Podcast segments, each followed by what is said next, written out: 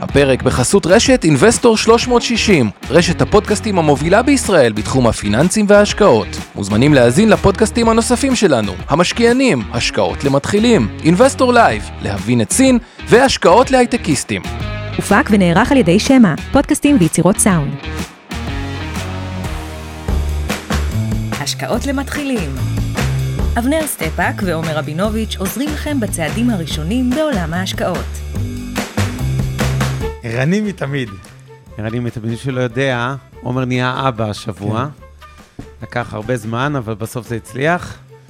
האפרוחית בקעה. אפרוחית מהביצה. אה, וחמודה מאוד, תודה רבה, תודה רבה. אז איך זה להיות אבא פעם ראשונה בחיים? אה, איך זה להיות, כן, האמת, כיף, מרחיב את הלב, מרחיב את הלב, זה כיף, זה יצור חי כזה, ש... יצור חי. יצור חי וחמוד. אה, כן, בוא נראה, נעשה אותה אופנתית. אתה אומר שיש בגדים פיין לתינוקות ככה. אני אקח אותך לשופינג לילדה. בוא נראה, בוא נראה. נסיכה היא תהיה מהר מאוד.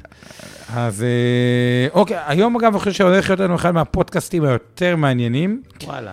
כי אנחנו הולכים לדבר על מודלים עסקיים, איך עסק עובד, ממה הוא מרוויח, ואני אתייחס לכמה מהמודלים העסקיים, לדעתי, הטובים בעולם. עשינו את זה קצת פעם שעברה, שדיברנו על SAS, Software as a Service, חברות תוכנה, כמו נטפליקס, כמו סיילספורס, כמו זום, שחלקנו משתמשים, אבל איך מבדילים? מה יותר טוב?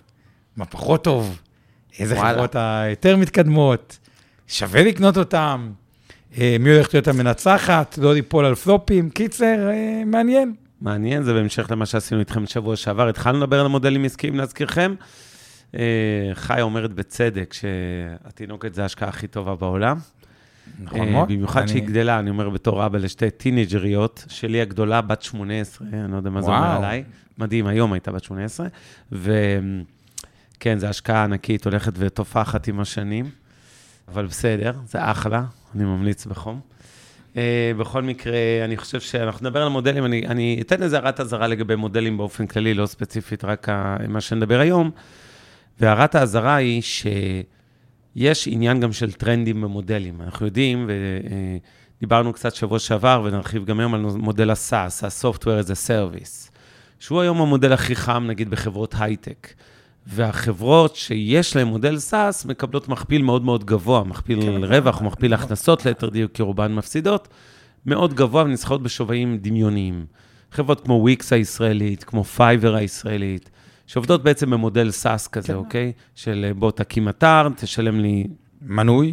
בבסיס בחינם, אבל מנוי, נגיד, סתם, אם רוצים קצת יותר מאיזה משהו ראשוני, אז תשלם לי 9.99 דולר לחודש, או לא משנה מה התמחור, כל חברה והמוצרים שלה. וזה מה שנקרא מודל SaaS קלאסי, של recurring revenue, של הכנסות חוזרות כל חודש. יש לו יתרונות כמובן, כי אנחנו יודעים שהחברות האלה לא מתחילות כל חודש מאפס, כי יש להן כבר צבר הכנסות, נדבר על זה עוד מעט בהרחבה. אבל יש חיסרון אחד מרכזי במודלים האלה. מרוב שהעולם משתעבד אליהם, וככה אנליסטים מאוד, אה, כולם מחפשים SaaS, SaaS, SaaS, הרבה פעמים ניפחו את הדבר הזה בלי פרופורציה. אז אנחנו לא מתמקדים בתמחור, כלומר, כן. ההשקעה היא מחולקת לשתיים. כמה חברה איכותית וטובה, והאם התמחור שהוא גם מתאים מבחינתנו. היום אנחנו נתעסק יותר בצד של המודל. בשביל לבצע החלטת השקעה צריך שגם המודל יהיה טוב, וגם שהתמחור יהיה בהתאם. היום פחות נשים דגש על התמחור, אבל בסוף עסקה טובה היא זה שיש בית נורא נורא יפה בגבעתיים ונורא טוב, זאת אומרת שנקנה אותו, אז תלוי גם באיזה מחיר. כל דבר יש לו... את התמחור, נשים את התמחור, וזה חשובה. זה מתחבר לנושא שאמרנו הרבה פעמים, אה, דיברנו על נושא הזה שיכול להיות... חברה פנטסטית שהמניה שלה על הפנים, אוקיי? כי המניה כבר עלתה יותר מדי והיא לא כדאית לקנייה, למרות שהחברה נראית מעולה והיא צומחת ומרוויחה ומגדילה את הרווחים שלה. ויש גם מצבים הפוכים, שאתם רואים מניה שקרסה אה, ב... ב כאילו, אה, הפוך, זאת אומרת, התכוונתי להגיד שבקיצור, מחיר, לא תמיד מניה טובה זה חברה טובה, ולא תמיד מניה גרועה זה חברה גרועה. יש חברות פנטסטיות שמניות שהן על הפנים ולא כדאי כבר להתקרב. ויש גם את המצבים ההפוכים. כן, הרבה אבל... פעמים משקיעים נוטים להסתכל על מה עשתה המניה בשנה הקודמת, בחודשים האחרונים, בשלוש שנים, ואם הם רואים שהמניה נגיד עשתה תשואה גרועה, אז אומרים, אה, זו הזדמנות קנייה. אבל, אבל פה, פה... אבל לפעמים דווקא... מניות שירדו ב-90% צריכות לרדת עוד, כן? זה לא תמיד, אה, יש סיבה למה הם ירדו. נכון, אבל אני חושב שבגדול, אם הבנו מודל עסקי של חברה, גם אם שילמנו טיפה יקר מדי, יש סיכוי טוב שזה יתקן. אבל אם נפלנו עם חברה שבבסיס שלה, המנוע העסקי הוא לא טוב, mm-hmm. אנחנו בבעיה. כלומר, אם המנוע טוב, גם אם נכנסנו לא בטיימינג הכי מוצלח ויש איזו עלייה או ירידה, לא יודע איך להגיד את זה, עדיין המנוע טוב, הוא ייקח אותנו קדימה, ולכן להבין את המנוע, לדעתי, זה הדבר הכי חשוב בהשקעות, וזה מה שנעשה היום. היום ננסה להבין מה זה מנוע עסקי אה, טוב. אולי אבנר ייתן דוגמאות גם על מיטב, אני יכול לתת קצת דוגמאות על אינבסטור, כדי שזה יהיה יותר אה, מוחשי, אבל אה, נתחיל מלהגיד, קודם כל, לכל מי שאיתנו, תודה שהצטרפתם. לאלה שעוזרים לנו בשידור, עוז גצליק ממיטב דש שמנהל את האירוע הזה, לצוות שלך באינבסטור 360, אור חלמיש, עמי ארביב, אורן ברסקי, לאורית טולדנו שיושב פה לצידנו ומקליט לנו את הפודקאסטים שלנו. לנצח, השקעות למתחילים. היו 12 פרקים. בכל פלטפורמות הפודקאסט, ויש כבר 12 פרקים. ו... כי אנחנו מדברים על מנוע עסקי או דברים כאלה, חלק מהדברים מדברים היום על דאטה, ולהבין כמה בממוצע, אבנר, אתה חושב, צופה אה, בהשקעות למתחילים, וכמה פרקים הוא צופה. או-אה, התקלת אותי. אין לי מושג. אז מה התשובה, אורי? גם אני. שבע. שבע וחצי פרקים, כלומר, בממוצע... פרקים וחצי.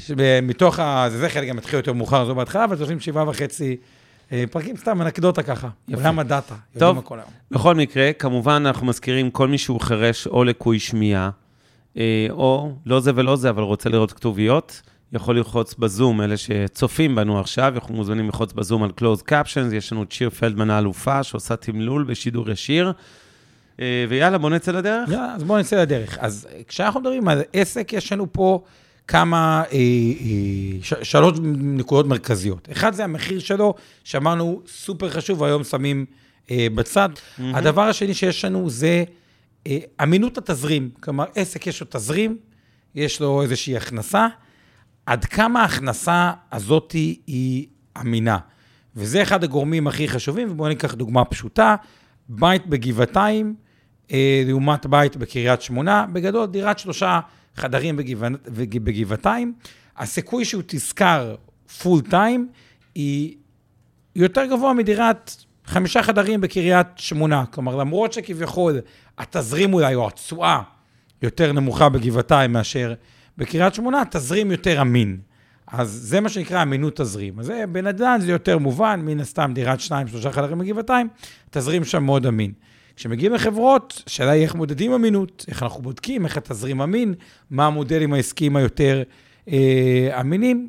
עוד רגע אני כבר אתן טיפ קטן לגבי זה, אבל לפני זה הפרמטר הנוסף, זה בעצם פוטנציאל אותו צמיחה של התזרים. עד כמה העסק הוא לא רק שהוא יהיה אמין, אלא גם שהוא יצמח. אה, טיפ קטן, ככל שהמוצר הוא נקנה יותר בצורה חד פעמית, ההכנסה פחות אמינה. כלומר, אחד העסקים הכי גרועים מהשקעה כמעט שיש, למרות שהיום זה משתפר, אוקיי? זה מסעדות. Mm-hmm. מסעדה כל פעם צריך לריב על זה מחדש. אולם אירועים, כל פעם הלקוח הוא מחדש. כלומר, יש עלות גבוהה, שניגע בזה במשך לרכוש לקוח, אבל היא חד פעמית, וכל פעם המלחמה היא מחדש. לעומת זאת, נטפליקס, אה, קנינו מנוי, כל עוד לא התנתקנו, כל חודש אנחנו משלמים על המנוי, ההכנסה פה יותר אמינה. ואז זה הנקודה, ככל שהמנוי יותר חודשי, שזה סאס שדיברנו, או יותר הכנסה קבועה, שכל מה שצריך זה לא להתנתק, זה יותר טוב. ככל שזה יותר חד פעמי, זה פחות טוב. אה, שוב, זה לא אומר שהעסקה היא, היא, היא לא להשקיע, גם נגיד אפל, הרבה מהקניות הן חד פעמיות, אבל הם הצליחו להגיע ללויאליות מאוד מאוד גבוהה של הלקוחות, שקונים בהם פעם אחרי אה, פעם, ולא מחליפים הרבה את הפלאפון. ובגדול, ככל שהלקוח יותר נשאר איתנו, התשלום יותר חודשי, האינטראקציה פחות חד פעמית, יותר טוב. עכשיו לגבי אה, אה, גידול, ופה אני רוצה לשאול אתכם כבר שאלה לפני שככה נצלול למצגת. לדעתכם, של מי החברה, או איזה מודל עסקי יותר חזק, או ריקיון גנב יותר חזק, נטפליקס או דיסני? ככה, אז אני נותן לכם, אני לא רוצה להרחיב, אני נותן לכם ככה כמה שניות לרשום לנו ולמה, אה, ואז נתחיל לצלול יותר לעומק. אז אמרנו, יש לכל עסק מחיר, יש תזרים, ויש את פוטנציאל הצמיחה של התזרים. אנחנו רוצים שאותו תזרים יהיה כמה שיותר, או אותה הכנסה כמה שיותר אמינה, ושיהיה פוטנציאל גידול כמה שיותר אה, גבוה. אוקיי. זה ה basic בהשקעות. בואו נתחיל מה... אה, מה זה funnel? נתחיל מה... אוקיי, אז בואו בוא נלך רגע שקף אחד אחורה. אז מה שאנחנו רואים פה זה באמת אותו מחיר, אמינות התזרים ופוטנציאל הצמיחה של התזרים, ונעבור ל, אה, למה שאנחנו רואים פה מולנו, מה זה funnel, אותו משפך. בסוף כל חברה מתחילה מאיזשהו משפך בשביל לגייס את הלקוחות שלה. היא צריכה את הלקוח הראשון, יש סביב זה כל חברה הוצאות שיווק, marketing, הרבה דרכים להביא אה, אה, לקוח, אבל זה נקרא funnel. וה funnel הזה הוא מאוד מאוד חשוב, כי ככל שהוא יותר אה, יעיל או יותר אה, אה, איכותי, אה, זה טוב, הוא גם עולה כסף. פה אנחנו נכנסים במונח cost of acquisition אה, client. אתה רוצה להגיד כמה מילים לגבי פאנל? אני יכול לתת דוגמה אחרי זה על אינבסטור, אתה רוצה משהו על מיטב אולי, כדי שזה יותר מוחשי? דווקא לא על מיטב, אני אתן את זה מאיטורו, דווקא השכנים שלנו, שאני גם דירקטור שם, וכידוע, אנחנו באיזשהו תהליך הנפקה בנסדק. אז באיטורו, שזו חברה שעוסקת במסחר, אני נותן אותה כדוגמה דווקא כי היא לא פעילה בישראל, וקל יותר, okay. אוקיי. לא יאשימו אותי בפרסום למיטב דש. אז מה עושה איטורו? איטורו היא פלטפורמה של מסחר חברתי. אנשים פותחים אצלנו חשבונות ב- לקניית מניות, או אה, ביטקוין, או כל מיני דברים אחרים, ולמעשה, החשבונות הם שקופים. כל אחד רואה את החשבון של מישהו אחר. אני יכול לעקוב אחרי החשבון שלך, נניח שאני רואה שאתה תותח בהשקעות, עושה תשואות פנטסטיות, אני יודע, זה לא אתה, אבל נניח לשם הדוגמה. למה, למה אתה... למה אתה? עוקץ? לא, חס. וחלילה, עשית את. השנה השבוע, אני מאמין, אני יודע שאתה תותח. עכשיו, אני אומר, אוקיי, עומר תותח, אני רוצה שרבע תודה, מהכסף אני מאוד שלי... מעריך את זה. שזה בא ממך, זה מאוד או. מרגש אותי. אז אני רוצה שרבע מהכסף שלי יעשה בדיוק מה שעומר עושה. זה אם אתה קונה בחשבון שלך גוגל... למה רק רבע, או- אם אני... זה- לא, אתה יודע, יש עוד כמה תותחים בעולם. ואז אני אומר. אוקיי, אתה מוכר טסלה, אני גם רוצה למכור טסלה, אתה קונה גוגל, אני גם רוצה לקנות גוגל וכולי, ואז עושים את זה על אוטומט. עכשיו, מה זה הפאנל של החברה? אוקיי, איך החברה מגייסת? יש לה מיליוני משקיעים כרגע. איך החברה מגייסת לקוחות? אוקיי, לקוחות, זה מתחיל מבעיקר פרסום ברשת, יש לנו גם קבוצות ספורט שעושים להם חסויות ועוד אה, אצטדיונים באירופה וכולי, אבל בוא נגיד, המסה העיקרית באופן טבעי זה שיווק דיגיטלי. אתה מפרסם, אתה מזמין אנשים להתנסות, יש דמו שהם יכולים לסחור בחינם כזה, רק להרגיש את זה בלי כסף אמיתי. אמ, אז הפאנל מתחיל, וזה המשפך. אז המשפך מתחיל מזה שנכנסים X מיליוני לקוחות פוטנציאליים בשנה, וה-X הזה הם מתעניינים, ומתוך זה Y אה, ניצור איתם איזשהו קשר כזה או אחר ונעניין אותם, נשלח להם לינק, ומתוך ה... נגיד 70 אחוז שהתעניינו, אה, 30 אחוז גם יפתחו את הלינק שהם קיבלו במייל, ומתוך 30 אחוז שפתחו, אה, 50 אחוז יפתחו איזשהו חשבון דמו, ומתוך ה-50 אחוז שפתחו חשבון דמו, 20 אחוז נניח יהפכו את זה לחשבון פעיל עם כסף אמיתי שהם העבירו לחשבון. כלומר, במשפך הזה שנכנסו בו מיליון לקוחות בשנה, יכול להיות שבסוף בסוף בסוף נשארו, סתם דוגמה, 150 אלף לקוחות. זאת אומרת, זה המון 15 אגב, אחוז. 15 אחוז, עכשיו זה, מאוד כן. מאוד זה המספרים האמיתיים, זה סתם לשם הדוגמה, אה, כמובן. איכותי, והמקומות פרסום באמת יש, אה, פי- אה, בואו נראה מה- מה, בפאנל, אני יכול לתת נגיד את הפאנל שלנו באינבסטור, אוקיי? כן. אנחנו באינבסטור, חברת תכנון פיננסי, אין לנו זה, בעיקר דרך רשימת תפוצה, איך אנחנו מפרסמים רשימת תפוצה? יש את אורן מאצלנו שהוא אחראי על זה, אז יש לו איזה תקציב פרסום לצורך העניין בגוגל, בפייסבוק, בטאב אולי, מישהו שמע על החברה, או ב-Outbrain, אה, שזה חברות אה, שבעצם אתם רואים כל מיני כתבות שנקראות מרחבי הרשת, אז המרחבי הרשת האלה זה, זה בעצם קידום ממומן, קידום בכסף. ממומן של כתבות. קוראים לזה כתבה שמעניינת אותם, נכנסים לרשימת תפוצה, מייל, mailing אה, list, אגב, הברית זה יותר מתוחכם, יש גם בטוויטר ובזה, בעוד כל מיני מקומות.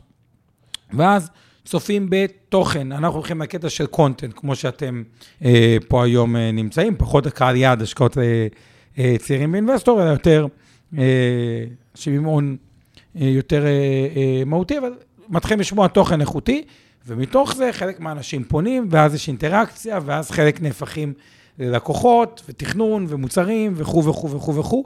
זה הפאנל. עכשיו, אה, זה ככה ב- אה, באינבסטור, אבל הפאנל הזה, ככל שהוא יותר איכותי, ארוך, טוב, זה מאוד מאוד אה, משפיע, יש funnel ים יותר קצרים ויש funnel ים יותר ארוכים. לדוגמה, בארה"ב יש הרבה חברות של קניית מזרונים, נגיד כך כמו Casper או... Resident הישראלית. Resident הישראלית. אה, funnel כאילו פרסומת, איך, הולך ה funnel שלהם? פרסומת, ואני לא מכיר לעומק, אבל בוא קנה מזרון, פרסומת ו... כן. אה, וקנייה, אוקיי. אז זה funnel. אוקיי, יפה, אז עברנו. אז יש מונח שנקרא CAC, Cost of Acquisition Client. אז אחרי זה יש לנו אה, מה שנקרא, אותו לקוח, Activation. מה זה Activation? אה, אחרי ש-Acquisition רכש את הלקוח, אוקיי, הוא בא לפגישה נגיד, צריך גם אה, לקבוע, כל חברה אגב, מוגדר בשונה, אה, שמעתי איזה פודקאסט אגב מרתק על performance marketing. כאילו, איך בכלל חברה מגדירה את אותו אירוע שנקרא אקטיבציה? כאילו, מתי לקוח בכלל נהיה לקוח? כאילו, מה, מה מודדים בכלל?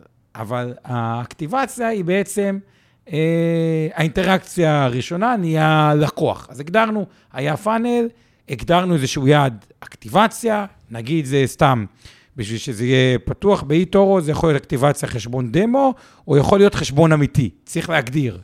או אם זה מיטב אה, לקוח פתח חשבון בטרייד, לצורך הפשטות, או אם זה אה, אינבסטור, חברת תכנון, בא, ל- קנה איזשהו מוצר, זה כמו חברת תכנון פיננסי, דרכנו. כל אחד צריך את ההגדרה של מה זה אה, אקטיבציה, ואז יש את המונח, לדעתי, הכי חשוב בעולם ההשקעות, או העסקים הכי טובים, שמים דגש על המונח שהוא קצת יהיה מורכב, אז נסביר אותו, retention. אז אה, בואו נסביר רגע מה זה retention, ואז נחזור לאותה שאלה, איזה עסק יותר טוב לדעתכם בפאנל שלו, נטפליקס מול אה, דיסני, ואז נעבור לעסקים, אה, לעוד כל מיני סוגי עסקים. אבל מה זה אותו אה, retention? retention בא ואומר, נגיד אני לוקח את הלקוחות אה, של 2020 שהצטרפו לאיטורו, שהצטרפו לאינבסטור, שהצטרפו למיטב, שהצטרפו לכל חברה של נטפליקס וכו'. ואני אשווה כמה מהם נשארו, בשתי פרמטרים, כמה הם נשארו, אם הם התחילו ב-2020 באינבסטור, כמה מהם נשארו ב-2021. כלומר, מה האחוז לקוחות שנשמרו? נגיד, זה נטפליקס, כמה לקוחות לא ניתקו את המנוי. אז על פניו, האם, אני שואל אתכם שאלה, אז ה retention, אז נגיד 10% עזבו, אז ה retention rate יהיה כביכול 90%. נכון. עכשיו אני רוצה לשאול אתכם את השאלה הבאה, שהיא קצת טריקית. האם ייתכן שבחברה יהיה retention rate שהוא גבוה מ-100 אחוזים? כלומר, לא retention retention זה 100 אחוזים, האם יכול להיות שיהיה retention שהוא גבוה מ-100 אחוזים? בואו נראה מה אתם כותבים. אני רוצה לספר לכם סיפור רגע, למה אני מרגיש שדיסני, מה ריגש אותי בחודש האחרון, מבחינת ה funnel ואיכות ה funnel, שאני חושב שבאיזשהו מקום לא הבנתי עד כמה דיסני היא חברה מדהימה. אני יושב לי בערב, ופתאום רואה בסלקום TV שיש את הסרט מולן. עכשיו, מולן, לא סתם, מבקשים ממני, כמה זה עלה לדעתי? 16 או 20 שקל, או 30 שקל, בשביל אתה לצפות. כאילו מתאמן בשביל התינוקת עכשיו ולראות סרטי. דיסני, זה לא. הסיפור? עכשיו, מה קרה? אוקיי? אני בתור ילד, ותחשבו איזה פאנל מדהים זה. אני בתור ילד, זוכר שצפיתי מולן, והיה לי חוויה נורא כיפת עם הצרצר, עם הזה, למרות שבסרט עצמו לא היה את הצרצר הנוסף, ובאמת יצר לי רגש מאוד חיובי.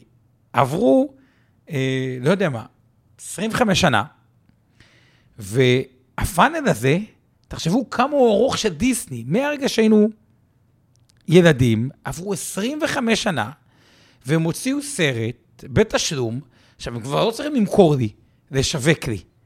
הם מרוויחים על אותו סרט שהם עשו לפני 30 שנה, אפסל מאוד מאוד גדול, במחיר של סרט בקולנוע, ואני קונה. למה אני קונה? כי הפאנל הוא ארוך וטוב. כלומר, ככל שהפאנל של חברה, ובגלל זה אני אה, הבנתי באותו רגע, וזה קצת common sense, עד כמה דיסני היא חברה איכותית, כי תחשבו, כל החוויות ילדות שלנו, שראינו בתור דיסני ומכרנו בתור ילדים, אחרי זה זה חוזר אלינו, כשהם השיקו את דיסני פלאס, הם ציפו להיות עם 50 מיליון מנויים עד 2024. אורי, אתה יכול לבדוק לי כמה מנויים יש שם בדיסני, בדיסני פלאס, או מישהו פה בשידור? עברו את זה. איך זה יכול להיות? הסיבה לזה, שהרגש של ההורים הוא כל כך גדול מזה שרצו לתת את זה לילדים, שאנחנו עוד לא ב-2024, ולמרות שהם תכננו רק 50 מיליון מנויים משלמים, כמו בנטפליקס, ב-2024, יש היום כבר כמה? 100 מיליון. 100 מיליון, כלומר, פי... בפברואר 100 מיליון. ולכן, למרות שתראו, סגרו את כל הפארקים והכול, וקורונה והכול, עדיין, אני לא יודע בדיוק מה קרה עם מניית דיסני, אבל זה בהחלט אה, אה, תמך בה מאוד. בוא נמשיך. אה, אז נכון, אז בגדול, אז אגב, הזכרתי את דיסני פה בתור דוגמה, או נטפליקס וזה, כמובן וכמובן. שאין אמור להעיל, מהווה המלצה לשום נייר ערך וצאו מתוך נקודת הנחה, שגם במיטב קרנות נאמנות, קרנות פנסיה, קופות גמל, ניהול תיקי השקעות, כן, וגם באינבסטור נוספות, יש להם אינטרס שכל המניות יעלו. ואנחנו או... מחזיקים ברוב המניות שאנחנו מזכירים פה, ולכן יש לנו אינטרס לדבר עליהם. לא באמת נכון כן. בפועל, אבל ו... בתיאוריה. אבל בתיאוריה, ולכן... וכל מה שעושים, הוא לא ייעוץ השקעות ולא תחליף לייעוץ השקעות המותאם לצרכי נכסי כל אדם, ולא המלצה לביצוע פעולות, לקנייה, למכירה, להימנעות מהשקעה, ועכשיו בואו נמשיך. נכון. אז יפה, אז בואו נראה סתם, בכמה מילים דיברנו על זה, אז באמת הפאנל של דיסני הוא... מאוד חמוד, תחשבו, זה, רכשו אתכם לקוח בהמון כסף שהייתם ילדים, הייתם בפארקים, חיבור רגשי, ואז דיסני פלוס, קרוזים של דיסני אה, וכו'. בואו נלך לדוגמה לעוד כמה חברות שבהן יש retention מעל... גדול ממאה, Twilio. Twilio. אז נעבור כן. לחברה הבאה. אוקיי, אז יש פה דוגמה לכמה חברות שה retention rate שלהם הוא מעל 100, אה, ואני רוצה שנדבר, ייקח בתור דוגמה. אז Slack, שזה אותו צ'אט, אם יש פה הייטקיסטים, צ'אט פנימי שמדברים איתו, למייקרוסופט יש את Teams, אה, היה את Slack. אגב, מי שקנו את Slack, זה Salesforce, ושילמו הון עתק על זה. אה, למה? כדי, כי זה צ'אט פנימי. מי שפה ביותר צעירים, הצ'אט הפנימי של הצעירים, בואו נראה איך הוא נקרא, בואו אני בוחן אתכם. אה, לפני שנגיד, אז גם אתם מדברים באיזשהו צ'אט פנימי, כשאתם משחקים גיימינג, בשיעורי בית, יש חברה שנקראת דיסקורט, שלאחרונה מייקרוסופט הציעה עליה, בואו נראה אם מישהו רשם מדיסקורט, חברה שהבאתי טיפה יותר זמן, שיענו. אבל הרבה פה אני מעריך, או מישהו שמשתמש פה מדיסקורד, תכתבו לנו, אה, למשחקים, וזה סוג של משהו שמשתמשים בו יותר ויותר. אז זה דוגמה אחת, בואו נראה מה כתבו אה, בהערות. אה, אז דיברנו על... יפה. אז דוגמה למודל שהוא חדש. הנה, דורון משתמש בדיסקורד. אגב, דורון, אתה משתמש בזה עם הזמן יותר או פחות? מעניין. דורון פירמן כותב לנו פה שהוא משתמש. הוא גם כותב לנו שאגב, אפרופו דיסני והפאנל שדיברנו עליה, שדיסני יש לה תלות גבוהה בדמויות עצמן, מזה בעצם מתחיל כל הנושא של זכויות יוצרים וכל המיקי מאוסים וכו', וברגע שזה יפוג, וזה כאילו יחסית קרוב, אז לכאורה הם מאבדים את היתרון התחרותי ב funnel הזה, אבל אממ. מצד שני, הרכישה של אה, פוקס אמורה לפתור את זה. אז כן. תכתוב לנו, דורון עוד אנשים, האם אתם משתמשים בדיסקורד? הנה, איציק אה, משתמש בדיסקורד, זה Slack. גם ב Slack. מי עוד משתמש פה בדיסקורד, ותיתנו לי מבחינת הזמן וכמות השימושים שאתם עושים בדיסקורד, האם היום זה יותר או פחות מבעבר, אה, אה, מהבחינה הזאתי. אה, אז מה... אה, מי זה? אוקיי. אז... בוא נמשיך. בוא, בוא, בוא נראה תוך כדי תגובות. יפה. אז בואו נראה עוד... אה, רגע, נראה פה את הטבלה של האנשים לפני שעוברים. יש לנו פה את... בואו נראה עוד כמה דוגמאות לחברות. אה, אוקיי. יש לנו, איך שקף אה, למעלה, כן. יש לנו עוד סלאק, דוגמה שרציתי להגיד, זום. טווידו. מה טווידו באים ועושים, שזה עוד קונספט שאני נורא נורא אוהב, כי אני לא נתקלתי בו הרבה פעמים, ושמעתי עליו פודקאסט לאחרונה, והיה לי מאוד מעניין. הרי מה באים בסיילספורס, או בסלאק, או בכל החברות האלה, אומרים, בוא תעשה מנוי חודשי, ואיך נרוויח יותר? כנראה שנרוויח יותר כי יש אה, יותר אה, עמדות, או עוד דבר שנגיד אומרים, נבנה עוד, נרחיב את הפאנל, ניתן לך פתאום עוד פיצ'רים. כלומר, בסיילספורס מכרנו לך עמדה, עכשיו בואו ניתן לך אנליזה על הדאטה, תובנות שיווק, מה שנקרא AI, שהם בנו את איינשטיין לדעתי, את המוח. עכשיו, מה טווידו באו? וזה מודל שבסך הכל זו חברה שעשתה פי אלף, אגב, הייתה לפני חמש שנים ב-28 המניה, ועלתה לאיזה 300, כלומר, פי עשר על הכסף בחמש שנים. מה בעצם, הם באו פשוט, יש כאן כאלה שקיבלו פעם אס.אם.אסים או דברים אה, אה, כאלה. סבבה, לא איזה משהו מדהיב. אבל היום, מה, מה, מה קורה בעצם? כשאתם באים להשתמש באובר, או בגט טקסי, או בליפט, ועוד הרבה מאוד חברות שהן באות ואומרות, רגע, אנחנו רוצים לעשות better customer engagement. כלומר, יש לנו, עולה לנו המון כסף לגייס לקוח, אנחנו רוצים שיהיה לו חוויה איכותית. אז בעצם אנחנו צריכים לתקשר איתו. כלומר, אנחנו לא רוצים שיחכה לאובר הרבה זמן, אנחנו רוצים שלפני שהנהג מגיע באובר, הוא יקבל הודעה, עוד שתי דקות הנהג מגיע, זה הטלפון שלו, זה הכל. אה, אבל זה לא רק זה, זה בעוד הרבה מאוד שירותים והרבה מאוד חברות. ואז טווידו בא ואמרו, תראו, אנחנו נבנה לכם, עכשיו זה יכול להיות ב-SMS, זה יכול להיות במייל, זה יכול להיות בוואטסאפ, זה יכול להיות בכל מיני ורטיקלים. אז מה טווידו באו ואמרו? הם אמרו, אנחנו נותנים לכם מין קופסה, שאתם יכולים לעשות אותה מין API, שאתם יכולים להכניס לתוך המוצר, לצורך העניין בליפט או באובר, ועכשיו, את כל ה engagement עם הלקוח, את המיילים, את ההודעה, את כל הדברים האלה, אנחנו עושים את זה אוטומטית בשבילכם ברמה הכי גבוהה, גם מספקים לכם תובנות, דאטה, כמה פתחו, הכל בצורה אה, יחסית אה, אה, נוחה. אבל אנחנו לא גובים את זה כמו תוכנה, כמו בסיילספורס. אנחנו גובים פר שימוש. מה הכוונה? על כל הודעה שאנחנו שולחים, אתם תשלמו 0.0007 סנט. אז זה יותר זול לכם מכל מתכנתים והכול, כי לעשות בעצמכם, ופשוט תכניסו את זה לתוך הגוף. וזה סוג של משהו יחסית סס שהוא לפי שימוש. כלומר, ככל שהמהפכה הדיגיטלית אה, תעלה, וזה יהיה יותר מוטמע בתוך העסק, ויעשו בזה יותר שימוש, ככה זה ילך אה, ויגדל. אז פה יש לנו מודל חדש, שלמרות שזה כביכול שירות לא כזה מסובך, כמו לשלוח מיילים, אס.אם.אסים, דברים, החברה שווה כבר 50 מיליארד. למה? מה זיהו בו בשוק? שזה מודל של retention rate נורא גבוה, לדעתי בתוך כדי הקורונה, היה לה 150 אחוז, כלומר, לקוחות ישנים השתמשו הרבה יותר. יפה. זום, יש ה-retention rate מעל... 130 אה, אחוז. 130 אה, אחוז. אה, מגדילים, משפרים, לא. עשו את זה כמה עמדות, נגיד, הנה, אנחנו פה, זה משלמים כסף לזום? ברור, זה זום וובינר, אבל רוב האנשים אה, שהתחילו בזום בחינם כזה עם 40 דקות מגבלה, לא יודע אם רוב, אבל הרבה מהם, הפכו להיות פתאום לקוחות משלמים. משלמים, ואז רגע. ואז פתאום כשאתה עושה כאלה, יש לך רישיון ביזנס או פרו, לא זוכר שזה עד 100 יוזרים. אז אתה רוצה פתאום... ואחרי זה באיזה שלב יש לך פתאום איזה אירוע שאתה צריך 500 או 300 או זה, ואז אתה פתאום צריך לשלם הרבה יותר. ואז, ומי יודע מה יהיה בעתיד? אולי כנסים וירטואליים, תראו אותי ואת אבנר פה רוקדים תוך כדי הדברים ועם פיצ'רים. אה, אז מהבחינה הזאתי, אז זה דוגמה לחברות, כאילו בבסיס, שהן אה, מאוד טובות. עכשיו, למה אני אומר לכם את כל זה? לא כי עכשיו אתם תלכו וכל חברה בהכרח תבדקו את זה. אבל כן אני רוצה להתחיל לסגל לכם את החשיבה של משקיע.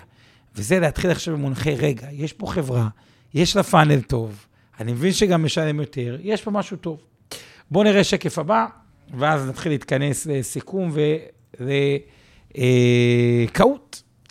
אז אה, זה מראה אה, איזשהו annual revenue חמוד. למה retention rate אה, הוא כל כך חשוב? אז זה איזושהי טבלה שמראה את ההבדל בין חברה ששומרת על לקוחות, נגד חברה שלא שומרת על הלקוחות שלה, וה-retention rate שלה הוא יותר אה, אה, נמוך. מה סך כל ההכנסה שלה לאורך השנים? ובגדול, בלי להיכנס למספרים... אה, כל החברות כאילו התחילו מאותה נקודה בצד שמאל, בשנה ראשונה אתם רואים 50 אלף דולר נניח לצורך העניין, הכנסות, ואתם רואים בעצם שאם ניקח את אותה חברה כביכול, עם אותם לקוחות שנכנסים כל שנה, הגרף הירוק, שהוא התחתון, שזה החברה עם ה-retention rate הכי נמוך, 10 אחוז, בעצם תעשה תוך 6 שנים נניח פי 10 להכנסות, מ-50 אלף דולר ל-557, פי 11. הכנסה, בדיוק. אבל חברה ש... עם, על אותה כמות לקוחות שנכנסת כל שנה, הצליחה לעשות 60 אחוז retention rate, אוקיי? משנה לשנה 60 אחוז מהלקוחות שהיו בשנה נכון. קודם נשארו, אז היא מגיעה בעצם ל-2.6 מיליון דולר, שזה בערך פי 5, פי כמעט 5, מהחברה עם ה-10 אחוז, ויש לנו אזעקה, אז אנחנו עכשיו... יש אזעקה, אז אנחנו... ננטוש בשידור ישיר. ננטוש בשידור live, את הזה. אתה יודע מה? אוקיי, אז אנחנו הולכים... אה, טוב, טוב, אז אנחנו רוצים לארוז את הפודקאסט שלנו למתחילים, ואת השיעור למתחילים. אני חושב שהספקנו 90% מהחומר, אנחנו נדלג הערב על הקהות ועל הפינה החברתית. נדמה לי שסידרו לנו פה אירוע מספיק... אה, תחזרו אלינו.